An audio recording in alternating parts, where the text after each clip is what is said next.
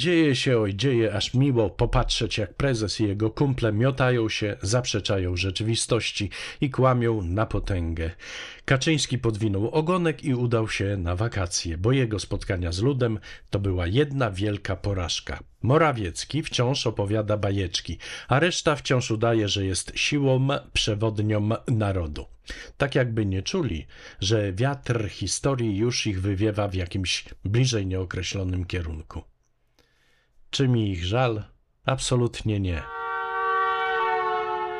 Prasówka, tygodniówka pod redakcją Tamary Olszewskiej 25-31 sierpnia 2022 roku. Czyta Piotr Sobieski. Polaków coraz bardziej czujących na plecach oddech biedy walnęła wieść o planowanych podwyżkach dla Dudy i ekipy Morawieckiego oraz parlamentarzystów. Ogłosiła tego newsa szefowa kancelarii Sejmu i naród ostro się wkurzył. No i tu wyskoczył nam Kaczyński ze swoim kuriozalnym wyjaśnieniem sprawy. Podwyżki? Jakie podwyżki? Nie będzie żadnych podwyżek. Znowu ta opozycja mąci, zamiast siedzieć cicho, narobiła rabanu na całą Polskę, by wzniecić nastroje antyrządowe, antypisowskie i w ogóle całe anty. On przecież niewinny, jego ludzie święci.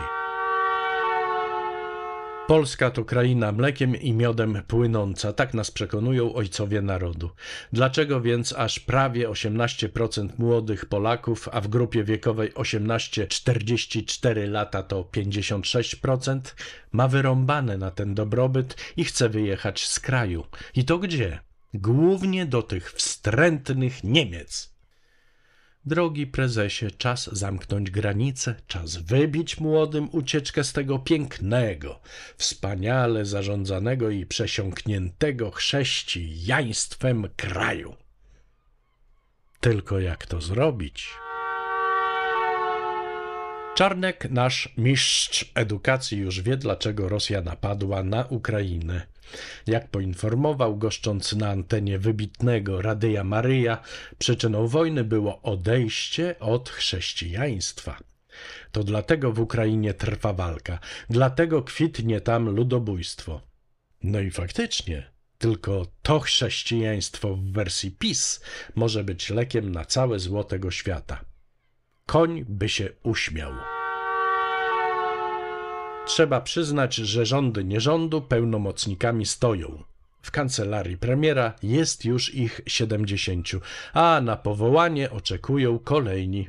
Zapewne nierząd wychodzi z założenia, że im więcej pełnomocników, tym wyższy prestiż kancelarii, ministrów i samego premiera. Tak więc, narodzie, nie narzekaj i tylko dawaj kasę na opłacanie ich działalności. Unijny pieniądz nie śmierdzi, więc choć jest wrogiem Unii Europejskiej, Rydzyk we współpracy z Ministerstwem Sprawiedliwości organizuje za tę kasę kilkudniowe szkolenia dla pracowników wymiaru sprawiedliwości w zakresie m.in. zasad skutecznej komunikacji, radzenia sobie z emocjami i osobami w stresie, czy zasad komunikacji na sali sądowej.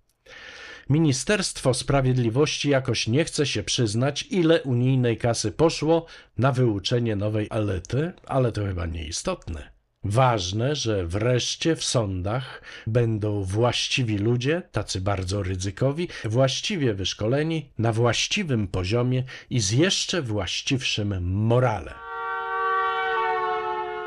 Fundacja Batorego zbadała, jak rozdzielane są pieniądze dla samorządów z Polskiego Ładu jak podają autorzy raportu, Szczególnie łaskawie potraktowane zostały gminy włodarzy związanych z prawem i sprawiedliwością, natomiast znacznie mniejsze dotacje w skali całego kraju otrzymały te z wójtami, burmistrzami i prezydentami powiązanymi z partiami opozycyjnymi wobec opozycji rządzącej. Czy ktoś jest zaskoczony? Sąd Najwyższy przeprowadził test niezależności neosędziego Jerzego Daniluka, prezesa Sądu Apelacyjnego w Lublinie i jednego z pupilków Ziobry. Mimo, że ów Ziobro i jego ludzie na głowie stawali byle tylko przeszkodzić w wydaniu sprawiedliwego wyroku, sędziowie Sądu Najwyższego się nie dali i uznali, że sędzia Daniluk nie spełnia wymagań dotyczących niezależności, a skład z jego udziałem jest wadliwy, co oznacza, że sąd jest nienależycie obsadzony. W efekcie zachodzi bezwzględna przyczyna odwoławcza i orzeczenie wydane z jego udziałem musi być uchylone. Brawo, brawo, brawo. O Kant może sobie prezes i jego kumple roztrzaskać wymawianie Polakom, że Unia Europejska to samo zło. Naród tego nie kupuje. Według najnowszego sondażu CEBOS 92% Polaków opowiada się za obecnością Polski w strukturach unijnych. Nawet w szeregach wyborców PiS przeciwko obecności Polski w Unii Europejskiej jest tylko 6% badanych, a w elektoracie Konfederacji 24%. A to się prezesunio zapłacze. No a dla tych, którzy wysłuchali prasówki do końca, suchar jako nagroda. Wyobraźcie sobie, jaki piękny musi być rybi parlament. Poseł Flądra wchodzi na mównicę, otwiera usta i cisza. Żadnych pierdół. Była to prasówka tygodniówka pod redakcją Tamary Olszewskiej. Czytał Piotr Sobieski.